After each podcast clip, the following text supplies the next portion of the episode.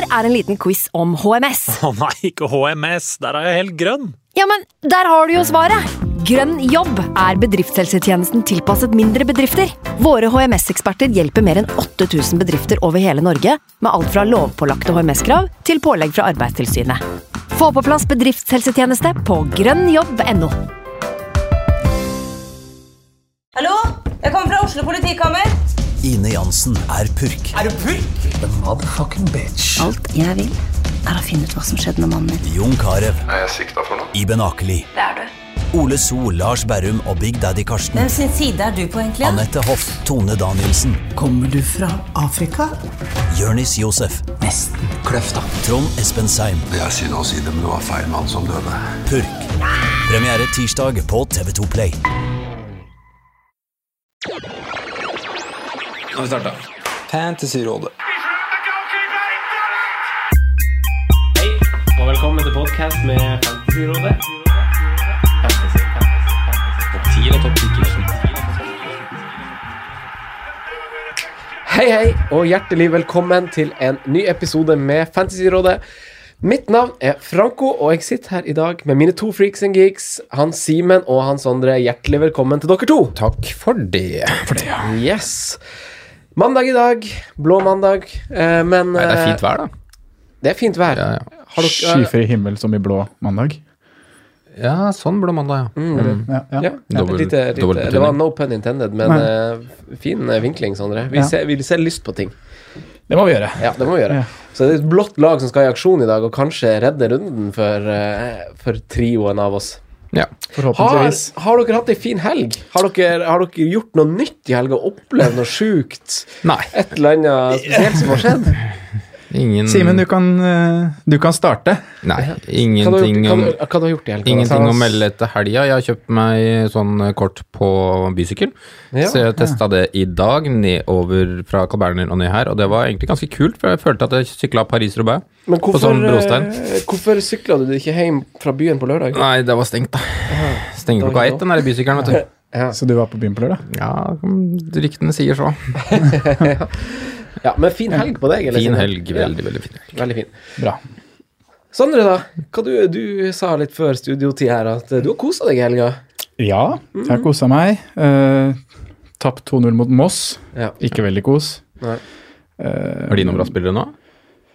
Ja, det må, ja, greit. Ja. Du er litt i dårlig humør når dere taper kamper. Du er ikke sånn som svarer så Altså, du, jeg ser det på, Svarer ikke så utfyllende. Nei, jeg ser det på måten du svarer på, at du er litt sånn surken. Ja, det stikker litt i meg. Ja. Ja. Jeg er ikke, kanskje ikke en god taper, nei. Jeg er nok ikke det.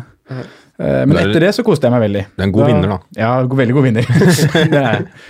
Eh, Men etter kampen så dro jeg til min, eh, min kjære venn Fantasyfisken Ja. og tilbrakte noen timer hos han. Ja. Hvor vi kosa oss med hans datter på ett år og spilte litt Fifa og var på lekeplassen. Og, ja, Good times. good times, good times. Ja. Serieåpning neste helg for dere. Eller neste mandag. Neste mandag, Ja. en uke i Inn i påska der, på Kadda, mot uh, reservene til dem du ser på i bakgrunnen her, faktisk. Ja, vi har jo på Rosenborg Odd uh, Ja. i bakgrunnen. Spilt i 19 minutter. ODD. Så vi skal møte Odd 2. Eh, Sondre, dra oss litt igjennom eh, det vi skal diskutere og drøfte i dag. Wildcard. Wildcard. Det er wildcard, er det ikke det, gutter? Det er wildcard, altså. Ja. Mm. Eh, vi skal snakke del, lagdel for lagdel. Ja. Drodle oss gjennom eh, posisjonene. Eh, og vi, det er jo ikke sånn at vi bare skal snakke wildcard, for det er jo runder før og runder etter. Mm. Så forhåpentligvis så blir det jo en prat som både kan være for de som ikke er på wildcard. Vi er jo alle tre på wildcard, så Mm. for oss det er naturlig at vi vinkler det veldig den veien. Eh, men for de som ikke er på wildcard, så er det jo også en, en eh, pekepinn i retning av hvor man burde kikke da, til spillere. Ja. Så det blir vel uh, stort sett det. Det, det jo altså Når man legger fram et wildcard nå, så er, tenker man jo på resten av sesongen. Man det. snakker om de spillerne man har mest lyst på resten av sesongen. Så Det er jo viktig, å, det er det som er viktig å huske, tenker jeg. For det er veldig mange som har wildcard og tenker veldig mye double game week 35. Mm. Men det skjer jo noe i etterkant òg. Ja. for, Det, det, det er der man er litt heldig også, for de fleste lagene som har dobbeltrunder, har ganske fint sluttprogram også. Ja. I hvert fall mange av de big hitters-teamene, sånn som United, City, Tottenham. Og også kanskje budsjettlagene, sånn som Southampton, har veldig fine kamper også etter dobbel i 35. Mm.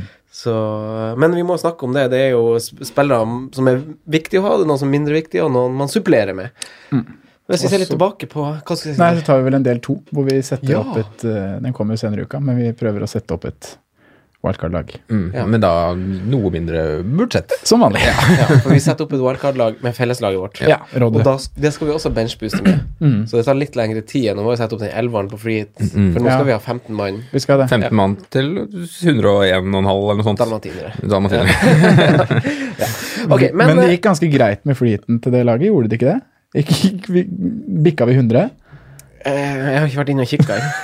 Ingen av oss har vært ute. Nei, det her laget seiler sin egen sjø. Nei, men jeg mener at vi, du har jo litt Sané og, og sånt der, da. Ja, Sané er det. Ja, så jeg mener at vi er på grønne piler i forhold til målet vårt, da, som er 10 000. Ja, Stilig. Eh, runden som gikk, da, gutta. Hvordan gikk det med dere? Eh, Simen, hva gjorde du inn mot runden? Jeg tok eh, minus fire, som vanlig, holdt jeg Ja. på å si. Ja. Kasta ut Arnatovic. Hadde ikke Så lyst på den. Og så hadde jeg en keeper som ikke spilte. Uh, eller ingen av keeperne mine spilte. Så jeg kasta inn Kepa, som spiller i kveld. Mm. Og så kasta inn Wilfred Saha. Fikk fem poeng, så det var greit. Men jeg var jo jeg dine. ekstremt nær å sette på Chris Wood, så det var egentlig irriterende. Stemmer, du vi snakka jo om han hele. Ja, han er jo knallgod. Ja, ja, ja. Beste avslutteren Burnley har sett noen gang. Det er bedre enn Charlie Austin. Åh, det er vanskelig, det er vanskelig å si. Men jeg, altså, Wood Bedre har Danny Ings. Eh, Ja, han er mye bra avsluttet enn Danny Ings. De har Men Danny Crouch, Ings har mye annet. Ja, Peter Crouch er oppi der, men han har jo ikke så mye av det andre. Andrew. Gray har de hatt. Det Ja. masse målskårere av Burnley. Ja, men det er noe med det der målinstinktet Sam Wokes. Ja, Wokes er oppi der, faktisk. Han er en god avslutter. Han, ja! Ja, han er en god avslutter. Eller så Jeg har ikke sett han skyte, jeg, nesten. Så jeg jeg liker, jeg liker Wood. Jeg tror bare han heter Hei, Vokes. Wood. Jeg liker Wood også. Poengscore, da? Poengscore, ja. Den er 44, og så har jeg en da Hazard cap og Keppa. Så det er vel sånn helt greit. Jeg kom opp en sånn 500-plass eller noe sånt. Ja, Ja. Så jeg er på 3937 akkurat nå. det må du ta med deg. Det er bra. Du kommer til å klatre mer. Jeg håper det. Ja. Sondre, du, da? Uh, nei, jeg står på 40 poeng, da. Mm. Så vi er egentlig likt, Simen, hvis vi trekker Ja, fra minus, eh, minus 4 hos deg. Um, jeg hadde egentlig et ganske enkelt bytte å gjøre. Jeg var ganske bestemt på at Vardy måtte på. Ja, det snakka vi om hele forrige episode. Ja, og da Fikk en hyggelig det takkemelding for det på Facebook av eh, Rolf. Det var veldig koselig. hyggelig. Takk, Rolf. Nei, og da hadde jeg penger i bank uh, til å ta Natovic ut og sette på Jamie Vardy. Ja. Så det var et ganske enkelt bytte å gjøre. Um, I tillegg til Og nødvendig, Så, og nødvendig også, ja. Det hadde vært stygt hvis ikke jeg hadde hatt Vardy. Mm. Det er Hedda Rosenborg Tverlingeren. uh, I tillegg til det så hadde jeg egentlig Det var jo også ganske naturlig å ta ut Felipe, Ja. egentlig. Men uh, jeg følte ikke at det var verdt en minus fire hvis jeg vurderte det opp mot hva jeg skulle sette på. Jeg følte ikke at det var noen sånn sikre alternativer jeg tenkte at kom til å tjene inn de. Det var jo litt sånn bingo hvem som fikk poeng på midtbanen, og det, det ser vi at det er også. Um, og når jeg i tillegg da kunne spille Fambisaka, Mm. så var det enkelt å sette Filippe på benken. Ja. Og det løste seg veldig greit, for Bisakka holdt jo nullen og fikk poeng der. Mm. Uh, jeg hadde også veldig lyst på en Chelsea-forsvarer. Mm. Uh, veldig, veldig lyst. Mm. Eh, men det lot seg rett og slett ikke gjøre økonomisk. Det, Nei, Det var egentlig vanskelig for de fleste, tror jeg, å få Ja. inn en Chelsea-forsvar der. Jeg var jo på en måte jeg, Egentlig så ville jeg jo spilt Boruk. Jeg var jo liksom det som var planen hele veien, men så måtte jeg ta en minus fire, for jeg hadde ikke hatt noen keeper. Og da hadde jeg råd til på Ederson til Kepa. ja, den var og den var veldig fin, egentlig. Men uh, du veit jo ikke om han holder nullen, altså vi får se i kveld. Nei. Men Nei, for men, meg da så eh, blei det ikke å gjøre noe med det. Jeg kunne, kunne ikke Dockerty kunne jeg jo kanskje ofra, men igjen så ser jeg han som aktuell inn i double gameweek og på wildcard, så da ville det bare vært tullete å kaste han når jeg har han til prisen av 4-4. Mm. Og ja, Ja, jeg, Så da lot jeg det rulle. ja, Så det er greit, det. Ja. Ja, for jeg, jeg, jeg eh, angrer ikke på det, men uh, det, det er jo litt dumt at vi ikke nevnte det i podden forrige uke, syns jeg, da. For jeg, ble jo truffet av et dilemma på fredag som dere begge har toucha innom nå, egentlig. Og det var jo uh, Det var jo om For jeg hadde råd til å gjøre han Balbuena, som jeg fortsatt sitter på. 18 runder har han sittet bakerst på benken min. Ja. Jeg hadde råd til å gjøre han til en Aspi. Og vurderinga som kom på fredag, var om Aspi får mer poeng enn Wilson eh, den kommende runden. Er det mer sannsynlig at han Aspi holder clean sheet i kveld, eller om Wilson skårer mål? Cirka 50-50, hadde jeg følt før Det- ja, runden, de- tror jeg. Ja, Chelsea hadde oddsen sin på sin side, på uh, bookingsida og sånn. Uh, f- Og i tillegg så så er det det med Westham sin form, eh, hvor vanvittig, vanvittig dårlig den er med offensive underliggende tall. Så det var Men det, det, det dilemmaet traff meg rett og slett litt for seint. Eh, eller jeg bestemte meg for tidlig for Wilson. Det kommer an på hvordan man ser det. Jeg hadde sikkert satt på en lakassett Lacassette hvis jeg hadde hatt råd. Jeg tror faktisk jeg hadde gjort det samme, jeg. Ja. Jeg har satt inn Wilson. Jeg har spilt Wilson foran Aspi, altså.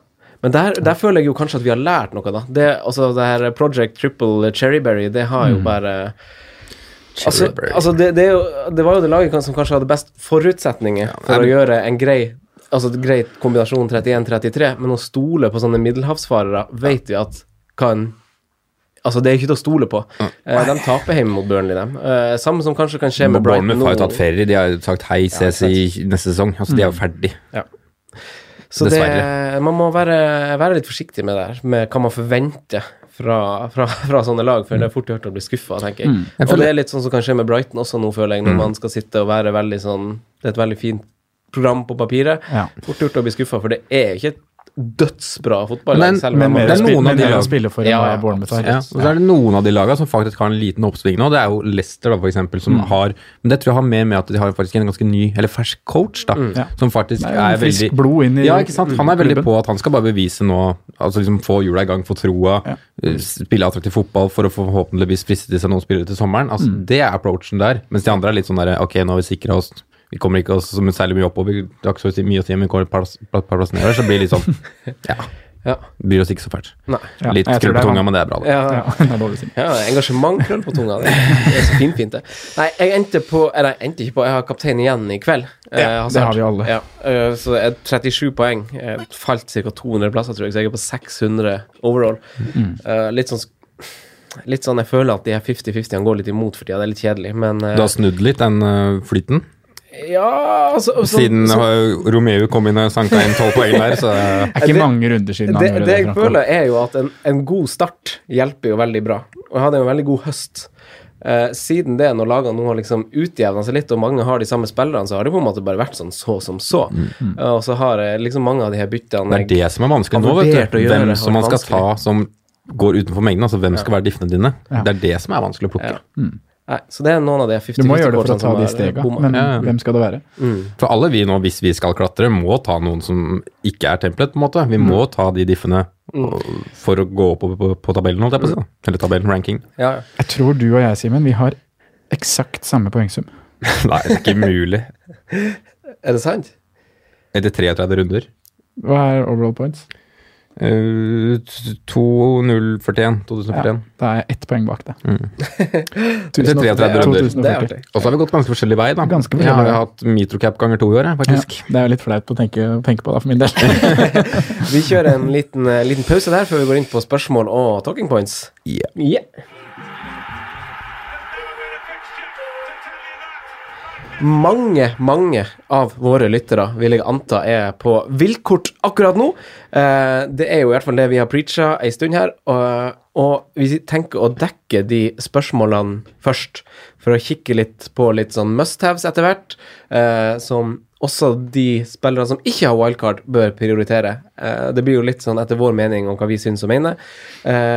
Men Simen Gaute Auseth, vår tidligere gjest, Ja. eh, som gjorde det veldig bra på Fantasy i fjor, spør om du hadde leda Fantasy i år nå dersom du hadde latt være å selge Aubameyang før Game Week 8.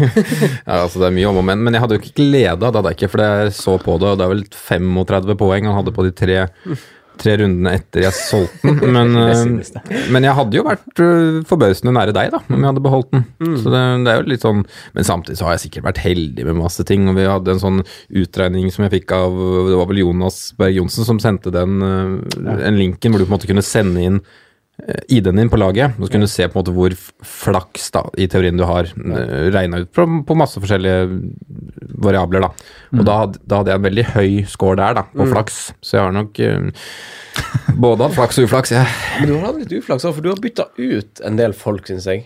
Du, har, du har liksom bytta ut Aubameyang, du har bytta ut Jimenez har jo vært et ma Ja, mareritt. på. Doherty har jeg hatt Nei, i laget mitt. jeg blanda med Dorothy. Ja, Doherty har jeg hatt hele runden fra runde én, faktisk. Ja. Uh, han hadde jeg veldig troa på før sesongen, ut ifra hva jeg hadde lest. Og jeg hadde ikke sett Wold så mye, men jeg hadde sett det et par ganger. Men uh, Jimenez har jo vært et mareritt, og han har jo aldri kommet meg på, så han blir dyrere og dyrere, så han har jo gitt opp, rett og slett. Og det er tungt da når han har hatt den sesongen som han har hatt i år. Han har jo vært ti mil, da. Ja. Han har vært eh, mange sin helt i år. Kanskje, kanskje vinn... eh, Eller 32 millioner pund, ville han egentlig ha vært. Jeg tenkte på kanskje vinneren kanskje skulle ha fått eh, vinneren av ligaen vår, i tillegg til å få det obligatoriske eh, customized cruiset som Cruise.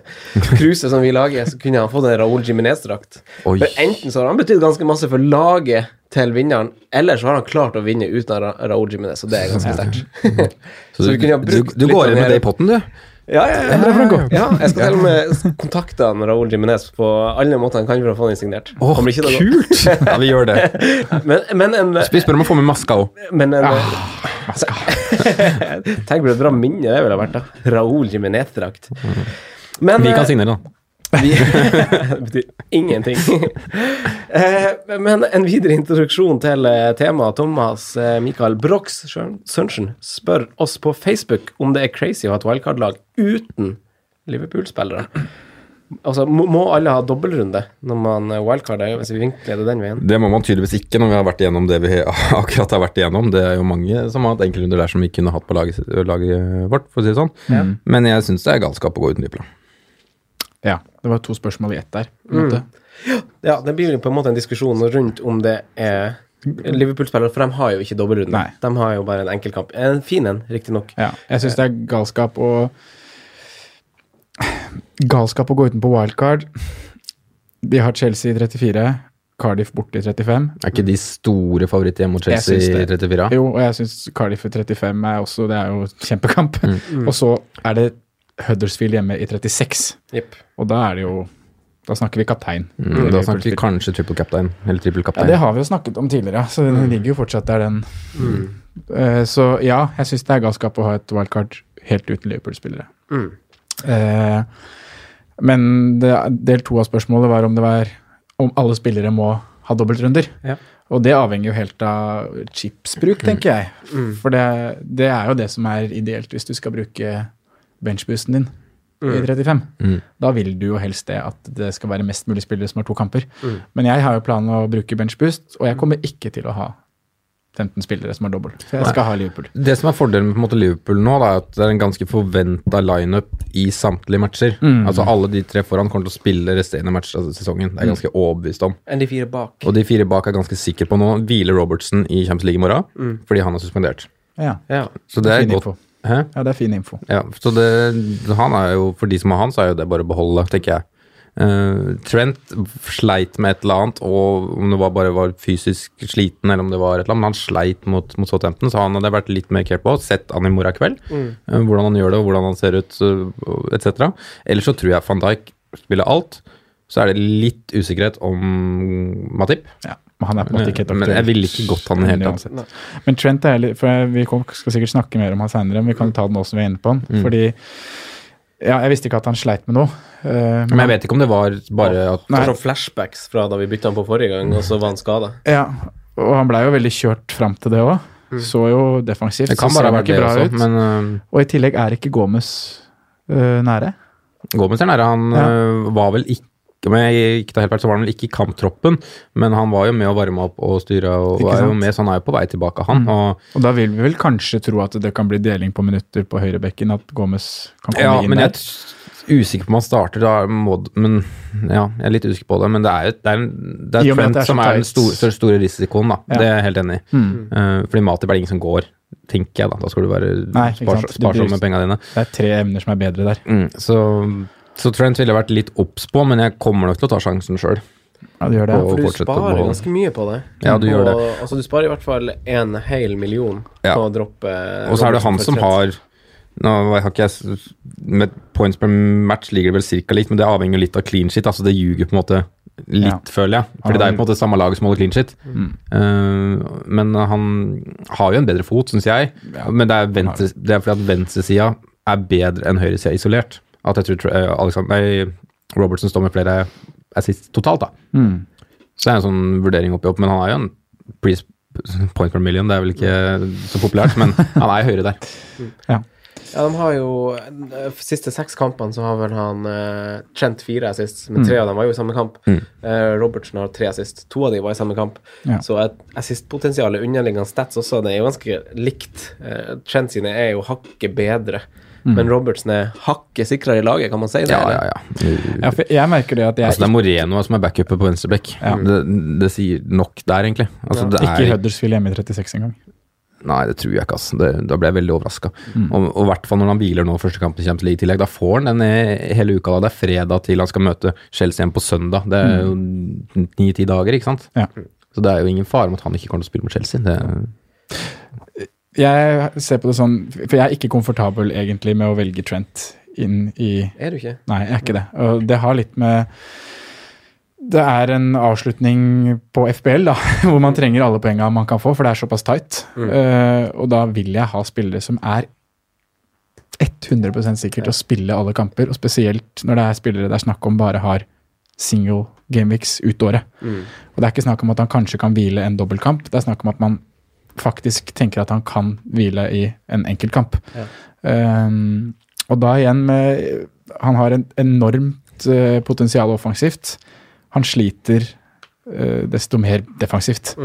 Det er uh, det Liverpool skaper eller får mot seg. Det skjer veldig ofte på motstanderen sin venstre side, fordi han ikke er strukturelt bra nok, da. Ja, han er jukseback. Han er litt juksebekk, kanskje. det, det, er, det er flere faktorer til akkurat hvorfor det der, men det er, du er jo inne på kanskje det hovedessensen her, da. Men Ja. det har jo også med at van Dijk spiller på venstre side av forsvaret, Ja. at de naturligvis angriper andre sida. Ja, og, han har hatt en bedre stopper ved siden av seg, så klart. yes, og at Mané, ofte som spiller venstre kant, da, hjelper bekken sin mer enn Ja. det Salah gjør på høyre motsatt side. Så det er jo naturlig å angripe Liverpool på deres høyre. Ja, og derfor igjen tenker jeg da kanskje at Klopp ser det, og at det kan være rom for å tenke at de kan stabilisere litt Ja. og få en Gomez innimellom i visse det, kamper. Det jeg sliter med da, da, er jo at det som har vært Liverpools styrke nesten de siste 15-20 kampene, er jo at midtbanen er såpass lite kreativ. Den er bare en arbeidsplass. Altså, Mm. Det er ikke noe kreativt som skjer så mye, eller så veldig mye kreativt som skjer der. Det er jo bekkene som står for det vi produserer offensivt. Mm. Og da tror jeg kan Ta, bytte mister ut mye ved å ta ut Trent. Yes. Ja. Og hvis han skal gjøre det, så tror jeg nesten det er Henderson som skal ut på høyre bekk. Ja. For han slår mye bedre crosser enn alle andre. bekk. Ja, eller Miller, da. Ja. Men nå, Milner, ja, jeg tenkte, om- nå tenkte jeg litt mye Champions League her, for Milner skal antakeligvis spille venstrebekk i morgen. Ha med seg. Okay, ja. Men uh, Den diskusjonen har du tatt i Intapod. Den, den Stemmer. milden kan vel man gjøre ganske masse med, da. Det er det den kan, I hvert fall, altså Jeg har satt meg litt for Altså, nå når jeg sitter med wildcardet mitt og planlegger, så planlegger litt ledd for ledd, tar Forsvaret først, osv., så, videre, Mm. så har jeg kommet litt for kort til å finne ut om den millionen der har ganske mye å si, og hva jeg Og jeg tror, jeg tror hvis For meg så er Hvis det det står på en million der, så tror jeg han eh, Robertsen ryker for han Trent. Mm. Men det, det, det, det er mange som ikke har en million, ikke sant? For, for min del så er det bytte 1,6 opp Ja. Ja. Ja, for meg er Trent til Robertson. For jeg har salgsverdi på 5,2, og så er Robertson på kjøpspris da, på 6,8. Ja. Ja. Ja, for jeg får, jeg får 6,5, tror jeg, hvis jeg selger Robo. Og jeg går ikke opp på Ja, ikke sant? Og jeg går ikke opp på 1,6 for å få Robertson. Det Nei, det- den, det er en annen case, det skjønner jeg veldig. Mm. Eh, ok, vi lar Liverpool ligge litt, og så om vi forlenger denne eh, introduksjonen til eh, dobbeltrunde 35 litt, eh, så har vi en dobbeltrunde allerede ja, førstkommende runde. Eh, Hans Roger Manstad lurer på hvor høyt vi prioriterer denne førstkommende minidobbelen med, med Brighton og Cardiff, som har to kamper hver. Hva tenker du, Sondre, om, eh, om den? Hvor høyt man prioriterer den. Uh, Mm. Det er jo en, på papiret en kjempefin dobbeltrunde for Brighton. Mm. Det er jo det. Så De gjorde en god figur også mot City. Jeg så bare første omgang og så andre omgang med et halvt øye. i Ja. semifinalen. ja, jeg så delvis av kampen, så ja. Men uh, jeg kommer nok til å ha i hvert fall to fra Brighton. Mm. Uh, hvis det sier om noe høyt jeg prioriterer jeg, jeg vet ikke om jeg kommer til å ha tre, men jeg kommer til å satse litt bakover på banen. Ja. Det gjør jeg. Eh, og også da med tanke på at Brighton da har en double som kommer også i, Mm. i 35, da, så er det jo naturlig eh, gode muligheter for å fylle opp med benchboost-spillere til den fra Brighton. Eh, men du hadde jo, hvis ikke du hadde trua på det, så hadde jeg ikke giddet å satse så mye på det bare fordi det er en double. Mm. Uh, Cardiff også har jo en midtbanespiller som kan være aktuell. Mm. Ikke noe mer enn det. Mm. Ja, enig. Men eh, jeg er ganske sikker på at jeg kommer til å ha tre Brighton. Ja. Jeg er der per nå, jeg, Men jeg er altså. ikke sikker på om jeg kommer til å ha tre defensive. Jeg tror jeg kommer til å ha kanskje Akkurat nå så har jeg, ligger jeg på én løsning, på en måte på en billig variant på midten, bare som kan få poengene sine i dobbelen, holdt jeg på å si. Mm. Også, eller i doblene. Og så ja. kommer to bak, da, som på en måte er de jeg tror virkelig på. da. Mm. Ja, samme her. De jeg har to egentlig som er klinke bak, og så er det en joker eventuelt på midten, Mm. eller spissplass. Det som, er, det som er litt bra for Brighton, da, er jo som dere eh, avbrøt meg litt med da jeg snakka i introen, er jo at de har jo De har jo eh, fire heimekamper av de siste sju kampene sine. Eh, det er jo på heimebane de er gode. Siste seks kampene har de eh, to clean sheets. De har eh, tatt imot færre skudd i boks enn f.eks. Tot, Tot, Tottenham, Tot, Tottenham og United, og de har veldig få sjanser mot, i motsetning til på bortebane, hvor de ligger nesten i bunn. Så, så forutsetningen er jo igjen eh, ganske god for at de skal holde nullen. I tillegg så har man jo så har man jo litt målfarlige stoppere. Altså, du har jo han eh, har jo han Duffy, som det snakkes mest om, sikkert, til 4-7, som har avslutta like masse i boks de siste seks rundene som spissen deres har. Og, og han har skåret fem mål i år som stopper, så det er jo ikke tilfeldig at det er han som, som, som skårer. Eh, og så har vi jo Knockart, som eventuelt til 5-2 Nå slår de dødballene, og Gross er ute. Mm. Som, som også kan være en joker, da. Ja, Det er synd Mars er skada, Ja. for han har vært en Eh, kjempefin joker. Ja. Men jeg føler på en måte toppnivået til, til Knockout er jo eh, faktisk enormt stor. Jeg synes han er, vel- Når han først er på, så er han jo veldig god. Men det, er, det varierer jo så enormt. Men det har jo også litt med spillestil antageligvis også. Da. Men Sånn leverte han vel stabilt i championship året før de rykka opp. Ja, der har du jo mann som fort kan ha to målpoeng i en match. Ikke sant? Men så, så blir det jo altfor alt for, alt for sjeldent det skjer, da. Ja. Mm. Hva med Altså, vi vil eh, Sånn som jeg ser det, så vil man kjøre litt Brighton og satse på det nå i nærliggende runde, men så vil man ikke ha tre derifra i neste. Så hva med om man eh, om man planlegger et bytte? Om man setter på f.eks. Murray eller eh, eller noen andre med plan om å bytte han ut før runde 35. Da. Ja, altså fint. Da setter du på den, den spissen du vil ha til 35. Altså at du kjører tre Brighton nå, bytt ut Det er en fin fin strategi, det. det, absolutt. tenker jeg. Ja. Hvis du klarer å gjøre Risiko. Murray om til noe du vil ha i Mm. Risikoen her er jo at Ja, risikoen er hvis du skal bruke benchboost, da, og du har planlagt bytte før på en måte runden er spilt, så kan du jo være um, kan du, må jo være forberedt på at det kan måtte Sant. koste deg minus fire da, for å få 15 spillere. For det kan jo skje noe altså Hvem som helst kan jo bli skada i den på, eller første runden. Ja. En sånn planlagte er byttergreie, ja. Det kan ofte, som du sier, til føre til mm, Jeg skårte Pål André. Ja, den skal du også da. Jeg har han på rik onkel-laget mitt. Har du det? Ro. Ja, eh, men eh, hvis vi Altså, vi har eh, de interessante navnene for meg der, meg der iallfall. Altså Dunk og Duffy. Eh, jeg tror nok jeg kommer til å ha en av de. Eh, der også så er det sånn hvis jeg har råd til Duffy, så gjør jeg det, men det er ikke noe sånn Det er ikke noe krise for meg å gå med dunk, liksom. Nei, jeg, jeg føler jo egentlig at det er hipp som happ, men samtidig så viser jo underliggende tall at det er ikke hipp som happ. Duffy er ganske mye Ja. Han er mye mer farlig på dødballer. Ja, han er det. Han er litt mer ivrig frampå. Ja. Selv om Dunk også har en grei historikk, men denne sesongen not so much. Ikke, nei. Uh, hvis vi ser på det andre laget, da, så har vi Kamarasa. Han har jo 35% målinvolvering for sitt Cardiff. Mm. Fikk Eh, med seg noe i forrige double game Ja, Til en veldig bra pris. Ja. Uh, men Cardiff skårer jo ikke så masse, men de bør jo begynne å gjøre det. Og til prislappen hans så har han jo veldig god Veldig høy målinvolveringsprosent for Mm. laget sitt. Så man kan jo på en måte forsvare at han er en type mainman. Jeg tror faktisk bare det er han Bobby Reed som har mer, og han starter på benken. eh, Og så er det en fin enabler til resten av laget. ikke sant? Han koster 4,5, så å si minimumspris. og det er liksom, Jeg tenker at han kommer til å være uh, Han kommer til å ha en veldig høy han- eierandel i den øh, fra nå og utover. Ja. Han kommer til å spille fast i La Liga til neste år for Betis og gjøre det bra, han tror jeg. God. Men Det er mulig. Det er litt, avsporing. Ja. Men eh, Bakdelen med Men- han er jo at han ikke har noe dobbel Ja. i 35, da. hvis ja, du sikter en på en benchboost der. Mm. Uh, og da er det jo litt dritt å planlegge det byttet med å ta en 4 mil, eller 4,5 midtbane ut. Mm. Da må du ha penger liggende et eller annet sted, så du kan gjøre noe mer, da, eventuelt. mm, Men for de som ikke skal benchbooste og bare ha en f- eh, 15-mann på midten, mm. så ville jeg nok kanskje valgt han og så spilt han nå i 34, så kan han være benkfyll. Og kanskje figurere i noen matcher ut sesongen, da. Ja.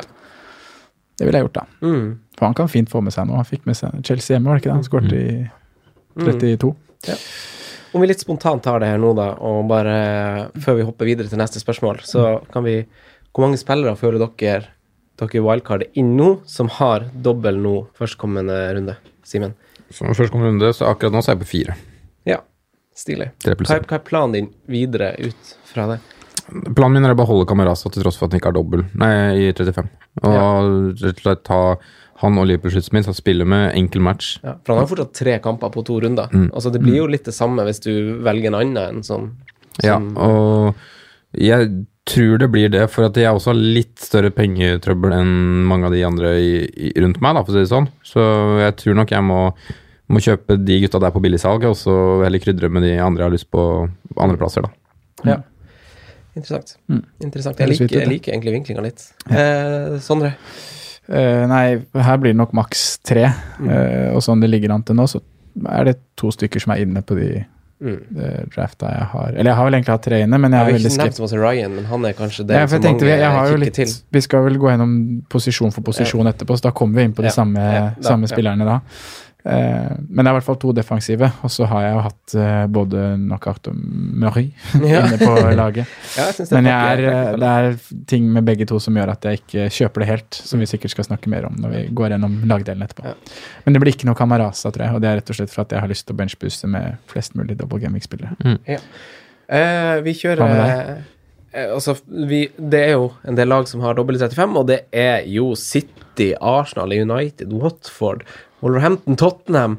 Det er mange gode lag eh, der, i tillegg til Brighton og Spurs, da. Nei, Saints. Så det her skal vi gå gjennom nå, posisjon for posisjon. Vi starter med keeperen. Men først så tar vi og fyller litt kaffe, eller, boys? Ja. Ja. Yes, vi skal gå igjennom posisjon for posisjon eh, når vi nå starter denne eh, villkortspesialen, om du vil. Eh, keeper eh, Hvis vi starter der, og vi kaster ballen til den eneste keeperen i rommet Sondre, hvis du eh, starter oss, starter oss der God metafor. ja. Hva tenker du om keeperposisjonen? Uh, jeg kan jo bare starte med hva jeg ser på som det sikreste kortet i mitt lag på, på keeperplassen, og det er jo nevnte Ryan. mm. Ja, fra Brighton. Eh, fire kamper på to runder, eh, og spesielt eh, førstkommende runde, da, double game-weeken, det er kamper hvor det er fine sjanser for å få clean sheets. Mm. Egentlig i begge kampene. Man tenker kanskje først at eh, Cardiff hjemme er den åpenbare, eh, med tanke på hvor lite mål Cardiff skårer borte, og hvor lite sjanser de skaper. De er jo på bånn av alt som kommer til sjanser skapt og store sjanser skapt bortebane. Eh, men også Bournemouth er eh, et lag som faktisk ikke har skåra så mange mål borte i år. Nei. De skaper kanskje bra med sjanser, men jeg ble litt overraska da jeg gikk gjennom eh, statistikken i stad, for jeg står på hvor mange kamper Bournemouth har gått av banen uten å skåre på bortebane. Og Det er åtte ganger. Oi. Det er Mm. faktisk viktig info. Eller god info. Ja, for jeg, jeg ble litt overraska over det. Så Og og da- er ikke akkurat i form. Nei, de er ikke akkurat i form heller. Så derfor er Ryan det sikreste kortet. Eh, Men han er langt nede på lista over redninger. Ja, veldig langt, for det har jeg også notert. Ja, Man tenker kanskje på han som en eh, redningskeeper, men han har faktisk eh, Han har bare Ni redninger på de siste seks kampene. ja, har jeg skrevet. 74 totalt, har han. Ja. Og det er da liksom Han er nummer fem fra bånn. Ja, I fjor hadde han jo fryktelig mange. Ja. Og jeg så jo at de har jo tatt imot på denne perioden hvor han har ni redninger. Han har spilt alle de kampene. De har tatt mot 46 skudd i boks. Ja. De har selvfølgelig ikke gått i mål, alle de 46 skuddene, men, Ja, eh, det er sånn det funker, ja. ja. men eh, da har han jo Altså, han har jo én clean shit også på, på den tida. Ja. Og tynt med Men det er redningspoeng. mot Huddersfield, ikke sant? Så, vi- Se, over seks oppgjør. så Ja, jeg har er- kampen mot Huddersfield. ja. Ja. så det er jo ikke Selv om på en måte, programmet ser bra ut, så er det jo Cardiff hjemme ser jo veldig fin ut, da, Mm. for å være ærlig. Men så er det jo den dobbelen i 35 ser jo ikke så pen ut. Nei, den gjør ikke det. Men, og da- igjen er det riktig keeper å gå for når det ikke kan bli så mye redninger. Så jeg er litt enig, men jeg, jeg mener Men at han har skal fire på, jeg kamper på mener to at, runder. Ja, han har fire kamper på to runder. Du må liksom bare kjøpe det. Og det er også greie kamper som kommer etter Ja. eh, etter 35. Det er vel en Huddersfield-kamp der i 36, som jeg ikke husker feil. ja, og så har han to skittige kamper på slutten. Ja. Ja. Men der har jeg også sett på andre alternativer som kan rullere greit med Ryan. Ja, få høre. Um, og da har jeg sett på billigmuligheter først, da. Mhm. Og da har jeg Den keeperen som rullerer best med Ryan, det er faktisk Patricio. Wolverhampton. Ja. Eh, Du skal få komme med et motargument etterpå, Simen. Men ja, få høre sånn kanskje ikke best, man rullerer bra. Ja. Eh, han, men han Igjen så er jeg der at hvor mye kan man stole på Wolverhampton defensivt? Fem clean shit på hjemmebane i år, de kampene du kanskje har lyst til å spille den. En fin double gameweek i 35 som er hjemme. Jeg sier det er fin, selv om det er Arsenal, men jeg tror de vinner begge kampene. Ja. Uh, men man velger heller Det er ikke Wolverhampton man skal doble bakfra, kanskje. Og da velger man heller eh, Dockerty, da, som ja. tilbyr noe offensivt i tillegg. Ja. Så derfor blir på en måte Patricio litt skvisa ut uh, hos meg. Uh, så har jeg sett på Southampton-keeper. Ja. Gun. Angus. Ja. Men føler du den som trygg uh, i, i gun? Han har spilt seks kamper på Ja, rad. jeg gjør egentlig det, altså. Jeg tror han har tatt plass nå. Fire-tre, to clean Jeg har sheets, sett han sjøl, men jeg har litt sånn vondt i magen-feeling av å liksom sette den fysisk på laget mitt. da. Ja, jeg skjønner, skjønner baktanken. Så, Men, eh, Men ja, han er tryggere enn de gutta som kaver rundt i goalen for Bournemouth for tida, i hvert fall. Mm. Altså, altså, Southampton som lag er jo ikke å bli klok på når det kommer til det clean sheets-greia. Det er litt sånn litt på bortebane, litt på hjemmebane, plutselig er det i et byderby. Mm. Eh, det jeg liksom har, har sett på, eh, rent mot lagene de møter, Mm. av de lagene som har double gameweek, og som møter lag som skaper lite, så har, eh, så har Southampton seks av seks resterende kamper mot lag som er helt i bunn på både skudd i boks Mm. og skaping av store sjanser. Det er det eneste laget som møter så dårlig angrepende lag. Eh, man, øh, så dere må gjerne ta meg her om jeg tar feil, men jeg tror det er seks av seks. Ja, Eh, veldig dårlige lag. Eh, offensivt på Det er underliggende en kul vinkling, egentlig. Uh, De møter Newcastle.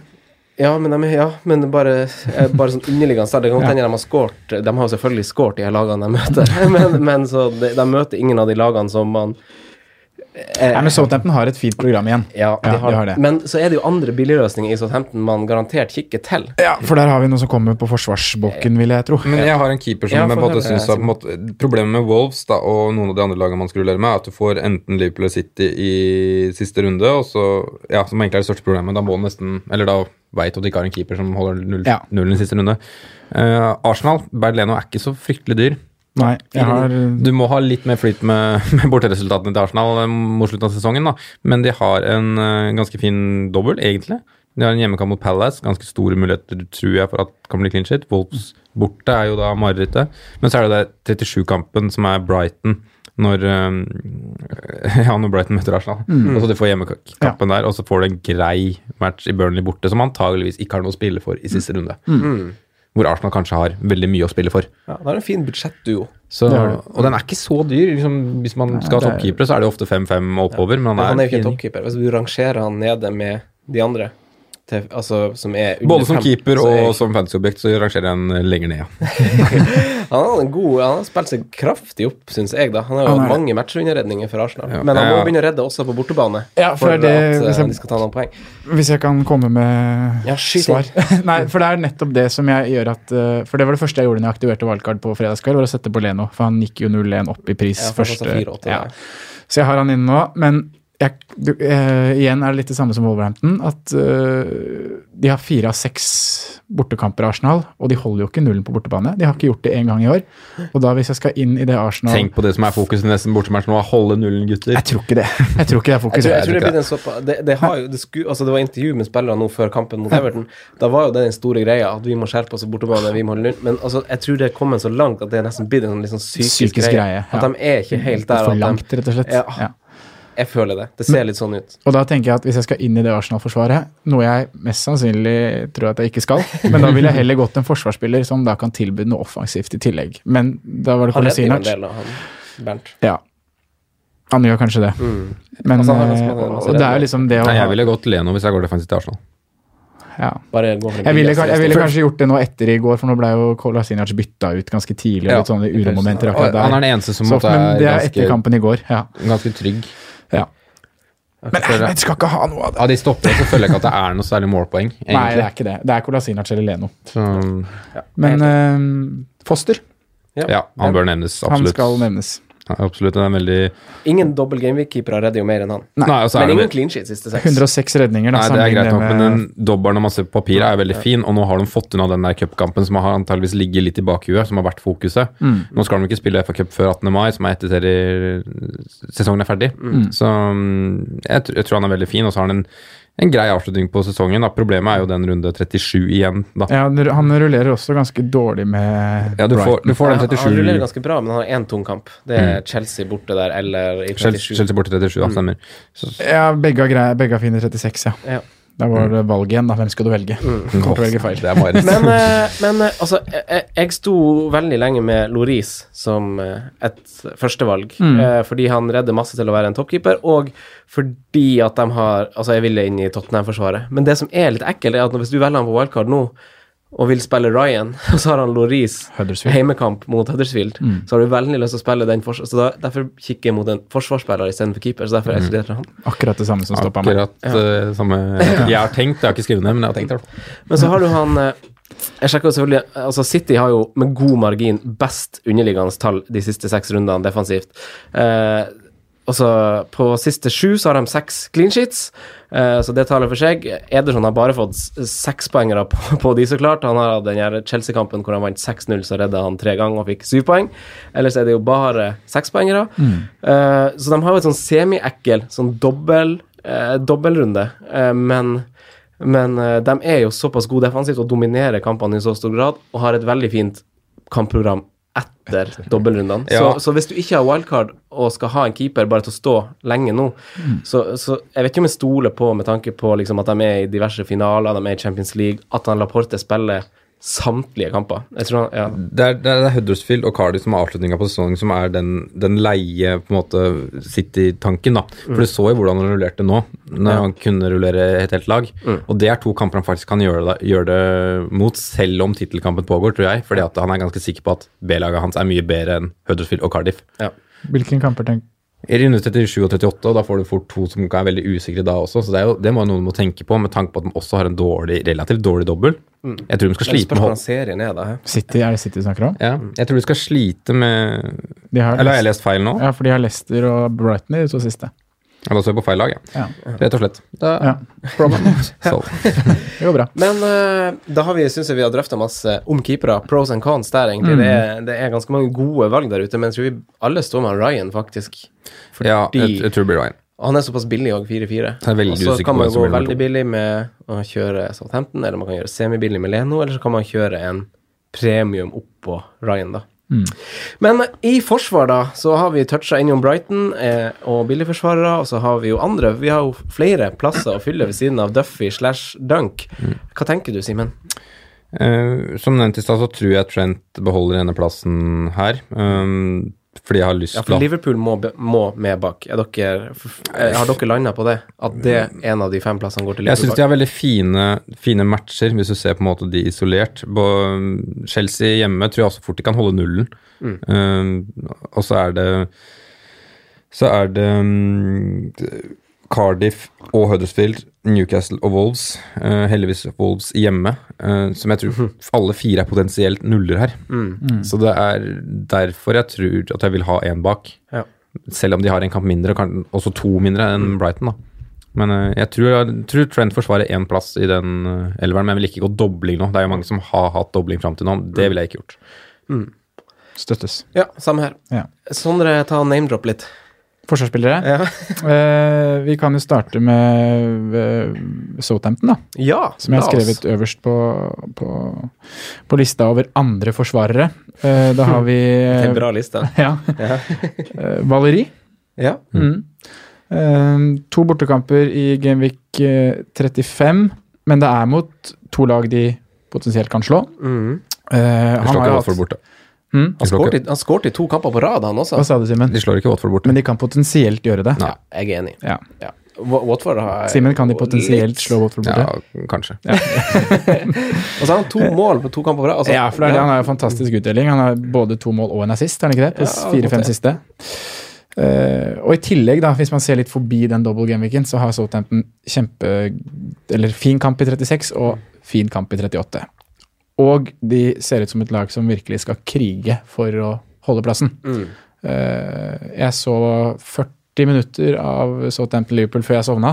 Ja. Men de 40 minuttene så det bra ut, syns jeg. Southampton. Mm. de slipper jo til sjanser, men det gjør man når man møter laget. Men offensivt så syns jeg de var eh, fulle av energi og Ja, de, de, de spiller virkelig for noe, da. Mm. Og han er jo en spiller som er eh, out of position, Ja. og er eh, høyt i banen.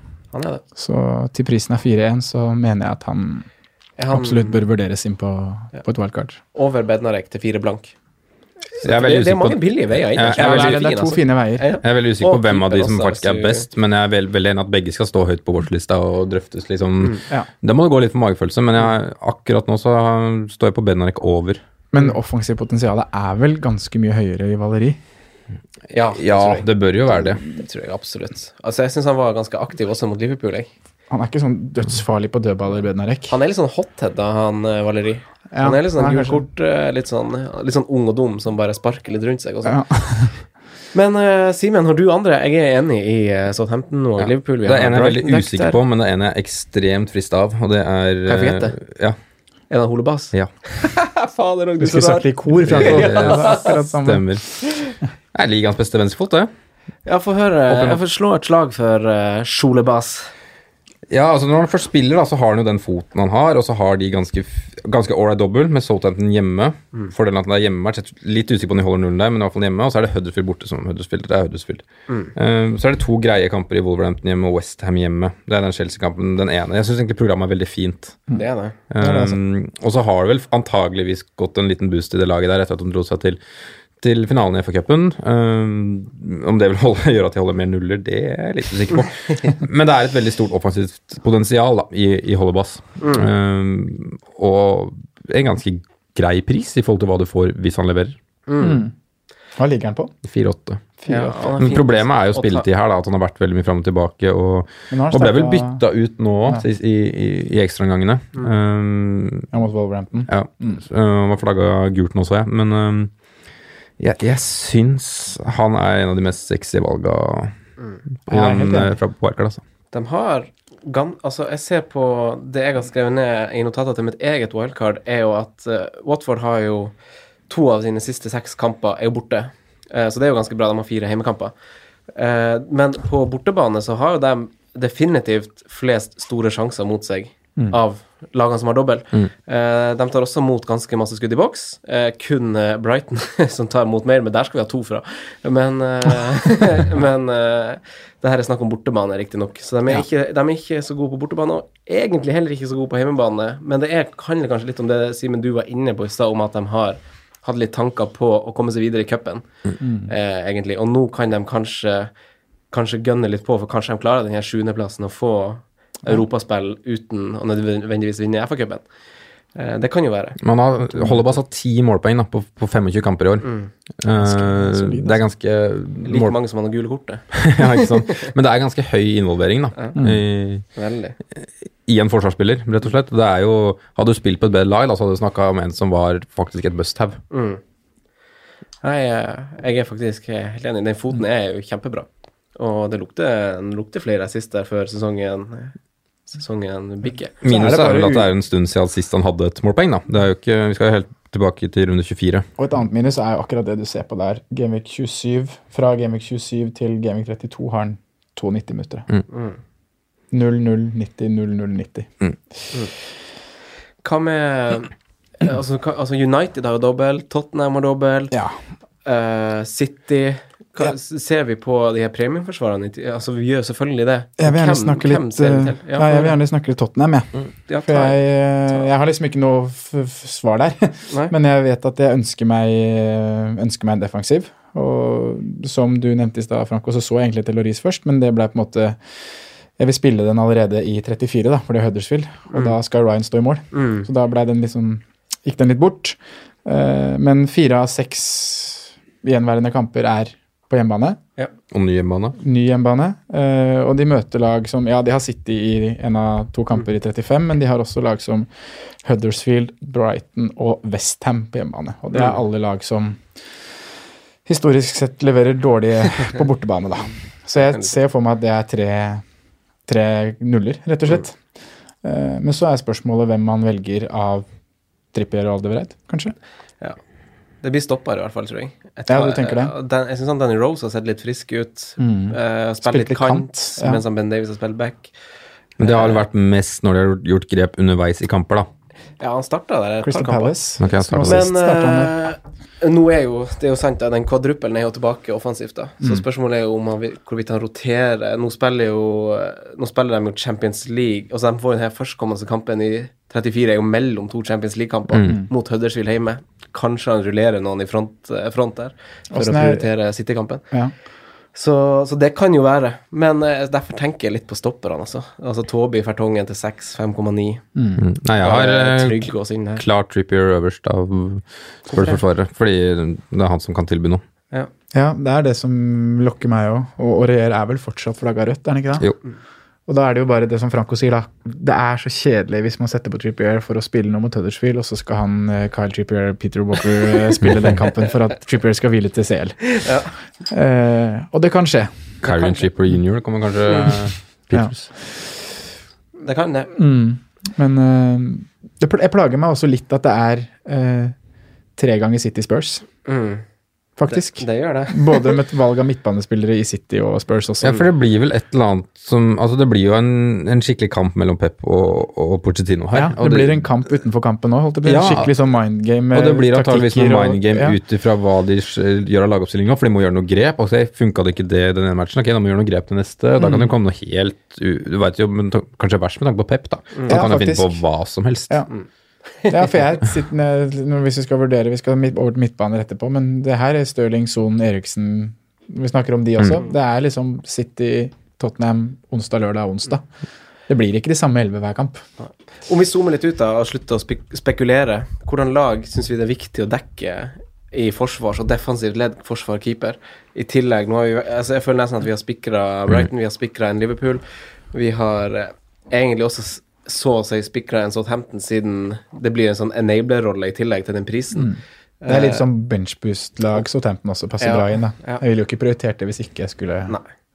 Men så er det jo Det er jo noen posisjoner igjen der. For jeg har jo jeg har jo litt lyst til å ha City og Tottenham oppå det, da. Ja, og så er det å finne en bra Nei, jeg skal, ikke, jeg skal der. ikke ha City. Nei. Det er jeg ganske bestemt på. Mm. Spurs blir nok ikke inn, og det blir antageligvis Trippier. Ja. Mm. Um, men andre lag Jeg så litt på United òg, men den er litt sånn, jeg syns den er litt sånn guffen, den dobbelen deres. Dobbelen er guffen, men den var fint kampprogram etterpå. Mm. Veldig fint, faktisk. Men de spiller jo da semifinale sånn i Champions League, da i rundt sånn 36-37. Mm. Tricky. I lys av få- kanskje. ja, kanskje. Unnskyld. I lys av tidligere spørsmål da, om det er nødvendig å ha bare double gameweek-spillere på laget, så nevner jeg, eller trekker jeg fram lag vi kanskje glemmer litt fordi de ikke har double, Mm. eh, som er i en veldig god defensiv form. Eh, Everton. Ja. Zing. Fytti katta. Mm. Form. Nei.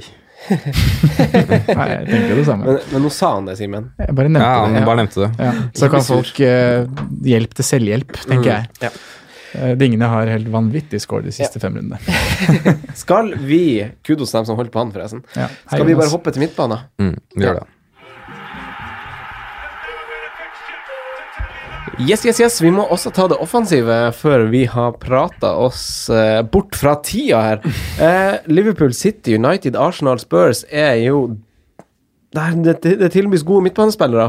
Eh, hvor starter vi her, Simen? Vi starter med å sette Mohammed Salah på laget, og lar han stå. Ok, eh, Du vet jeg er uenig, jeg skal liksom ikke bli Jeg skal, ikke, jeg skal, jeg skal, Det derfor jeg smalt på det jeg skal, ikke bli sint på deg. Men eh, hvorfor, eh, hvorfor Er du bombesikker på at du skal ha han på laget? 100 sikker? Ja, fordi jeg skal triple cappe han i 36 på Tøddersfield hjemme. Mm. Eh, har dere vurdert å trippelcappe han eh, Nei, jeg kan ikke trippelcappe han Kane nå. Nei, jeg tenkte på triple cappe han Kane nå mot Huddersfield, men det går ikke, for vi er wildcard. Men jeg har vurdert å triple cappe Kane i siste runde hjemme mot Leicester. Ja. Ok, få høre mer Salah-prat, eh, Simen. Siste eh, runde hjemme mot? Everton. Ja, Everton var det kanskje. Mm. Ja. Få høre, Simen. eh, Fortsett, fortsett Salah Altså, dem som vurderer han, hvorfor skal man ha han? Fordi han har, han har så fryktelig fint program, vet du, fra 35 og egentlig ut. Og det er to hjemmematcher. Det er borte mot Cardiff. Den er, kan være skummel, for så vidt Newcastle også, men jeg, jeg syns liksom totalpakka her da, er ganske god. Um, så er det 35, da. Han har ikke dobbel, men det er liksom Jeg tror ikke det har, kommer til å ha så mye å si. Da, da får fortsatt Cardiff borte. Mm. Det er fortsatt en stor sjanse for at han kommer til å være involvert i målpoeng. Absolutt. Og Liverpool kommer ikke til å benke han fordi at de skal spare som en spiller til Champions League. Det er bare tull. Klopp veit hva, hva fansen vil ha, da. det er Hva jo Fantasy vil ha. fansen vil ha. Men fansen vil jo ha Lia-gullet. Eh, og det er der det kommer til å bli prioritert. Og det kommer også til å bli prioritert i Champions League. Alle de kommer til å spille.